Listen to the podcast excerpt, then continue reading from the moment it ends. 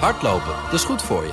En Nationale Nederlanden helpt je daar graag bij. Bijvoorbeeld met onze digitale NN Running Coach... die antwoord geeft op al je hardloopvragen. Dus, kom ook in beweging. Onze support heb je. Kijk op nn.nl slash hardlopen. Dit is de Oekraïne Ochtend Update. Mijn naam is Geert-Jan Haan. En ik ben Bernard Hammelburg. We praten hierbij over de laatste ontwikkelingen in Oekraïne. En de gevolgen voor en de reacties van de buitenwereld. Je vindt deze podcast in je favoriete podcast-app. We gaan eens eventjes praten over eh, Oekraïne, uiteraard. En over de verlanglijst die Zelensky al meteen nadat hij eh, toegezegd kreeg... tanks geleverd te krijgen, neerlegde.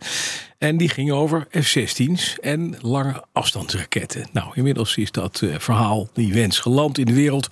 En zien we toch hele verschillende verhalen. Voorlopig geen F-16's, zegt Joe Biden naar Oekraïne. Mr. President.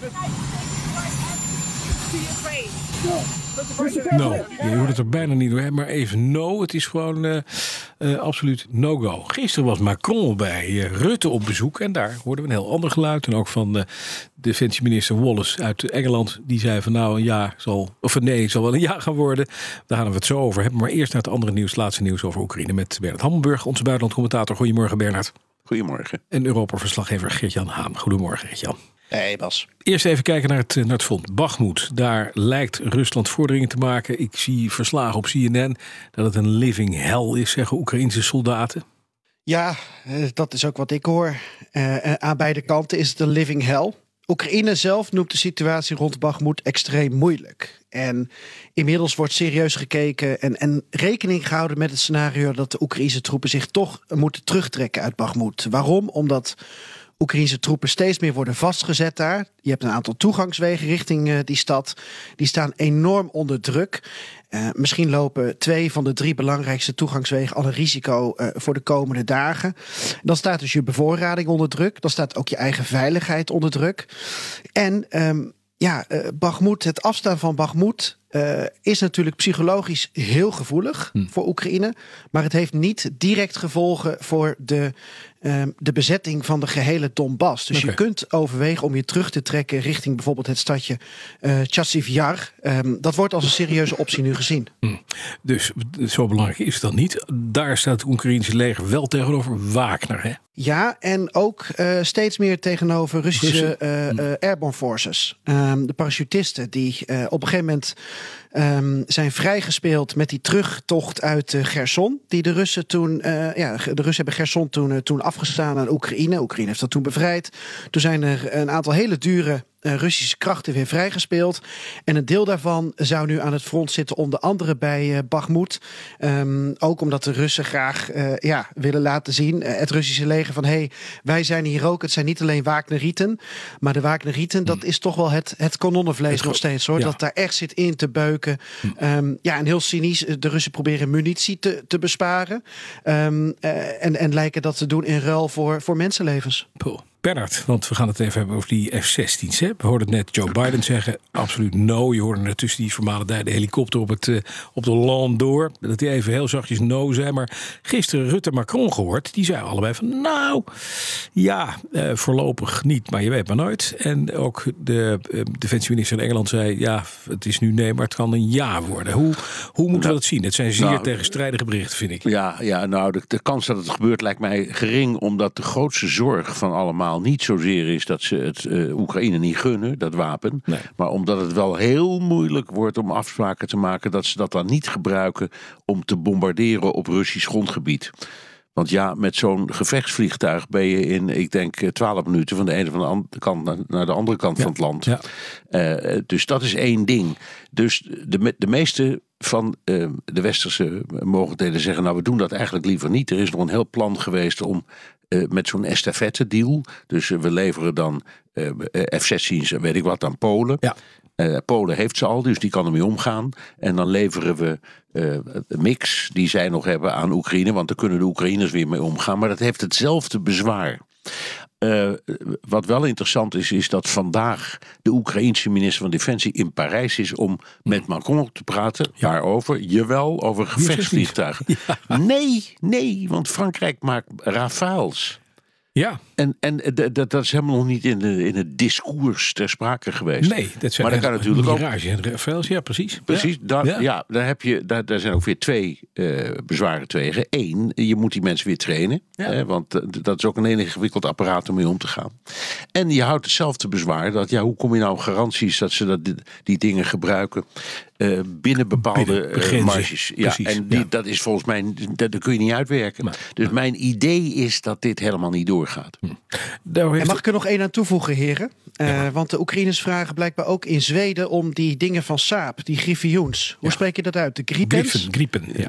Gripen Die staan dus dat. ook op het verlanglijstje. Ja, ja, ook een uitstekend toestel Ja. trouwens. Ja. Ja. We willen alles wat ze, ja, wat ze kunnen krijgen. Je kan nog in Nederland kan je ook nog een beetje gaan shoppen of daar niet wat, eh, wat, eh, wat, wat ligt. Maar dat is even de vraag. Net. Wallace vond ik wel interessant. Die zegt van ja, het, was een, het, het, het, is nu nee, maar het kan zomaar een ja worden. Dat weten we inmiddels.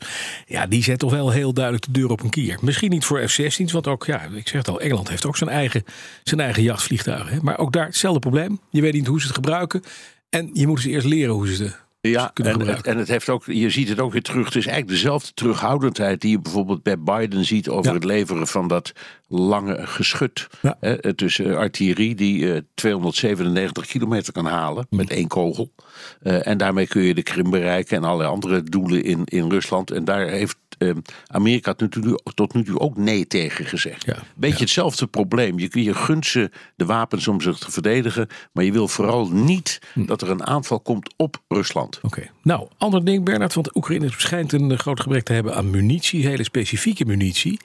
Eh, eh, eh, wie of wat gaat dat leveren? Komt Nou dat ja, dit, dit, dit is een verhaal over bommen en granaten eigenlijk ja. gewoon. Dat is eigenlijk de, de basis van vechten. Mhm. We hebben het steeds maar over hele geavanceerde gevechtssystemen... zoals eh, jachtbommenwerpers en ga zo maar door. Maar ze, ze hebben ook gewoon artillerie en daarvan raakt de munitie op. En nu hebben Frankrijk en Australië besloten om samen een productieproces op gang te brengen. Dus met twee, op zijn minst twee fabrieken, één in Australië, één in Frankrijk. En die gaan dan eh, geschut leveren van 150 mm. Dat zijn behoorlijk grote kogels en die gaan in artillerie. Eh, eh, zodat, zodat de voorraad aan munitie gewoon wordt. Ja, gegarandeerd. ja, ja, Ja. Het, is, het klinkt allemaal heel, de- heel, heel deftig, maar ook het, het soort gevechten dat Geert-Jan net beschrijft. Ja, Ja, daar heb je je helemaal niet. Daar voor heb, nodig. daar- ja, daar heb je gewoon kogels voor nodig. Ja, precies. Geert-Jan, eventjes nog naar, ter- terug naar Macron en, en, en Rutte. We hadden het net al even over Kouleba, die dus niet komt bedelen om F-16, maar iets anders. Maar gisteren was Macron bij ons in Nederland. Ze hadden het uiteraard ook over de steun aan Oekraïne. En dit werd er gezegd door Rutte. Ik wil ook hier nog een keer zeggen dat ik enorme waardering heb voor wat Frankrijk doet om Oekraïne te steunen. Eh, zowel eh, diplomatiek als humanitair, maar zeker ook militair met eh, de wapenleveranties. Dat is van groot belang. Ehm, en ook Nederland zal ermee doorgaan. Ja, ook Nederland zal ermee doorgaan. Hebben ze afspraken gemaakt? Weet jij dat? Of hebben ze alleen gezegd, we vinden elkaar fantastisch. En wat doen we het goed, hè? Ze hebben iets gezegd wat eh, eh, eigenlijk op allebei eh, slaat. Namelijk, ze vinden elkaar fantastisch. Maar ze zijn het ook eens over hoe dit nu verder moet. En, en dat is een beetje in lijn met waar, waar jullie het net ook over hadden. Wel of niet bepaalde vliegtuigen leveren. Ehm, Macron die is met een soort lijstje met criteria gekomen. Eigenlijk ook een boodschap richting Oekraïne. Oekraïne, als je iets wil, dan moet het eigenlijk aan de volgende drie criteria voldoen. Eén, je moet een verzoek indienen, een officieel verzoek. Dus niet alles via social media spelen. Twee, ehm, het moet in principe niet zomaar leiden tot escalatie. En drie, eh, wat je wil, wat wij leveren, dat eh, mag niet als doel hebben om Russisch grondgebied te bereiken. En Rutte die was het daar, eh, daarmee eens. Ehm, het enige probleem met deze criteria is, op papier staan ze goed. In de praktijk zien we dat onder druk tot nu toe alles vloeibaar is geweest. Nog eventjes eh, tot slot, Bernard. Gisteren de documentaire Putin versus the West. Gisteren zagen we een quoteje eruit van eh, eh, Boris Johnson... die in een minuut even lachend werd bedreigd door Poetin. Van ja, als je iets tegen mij doet... dan nou, ik ben binnen een minuut ik een raket op je kop. Jij hebt de documentaire gezien. Valt daar iets van te leren? Horen we daar iets uit? Kunnen we iets uit het, in het hoofd van Poetin kijken? Nou, laat ik, laat ik beginnen met te zeggen dat ik ademloos heb gekeken. Ja, wat, ja. wat kunnen die Britten prachtig documentaires maken, jongens. Dat Dat, is echt. Ja. Ja, daar, kunnen, daar kunnen we allemaal niet herop. Eh, dit ging over de periode 2014. Dus het begin eigenlijk van de oorlog. Hè. Bij de, de, de annexatie van de Krim en de, de, en de, de eerste aanvallen op Donbass. En eh, de, de, de, de periode daaraan voorafgaande.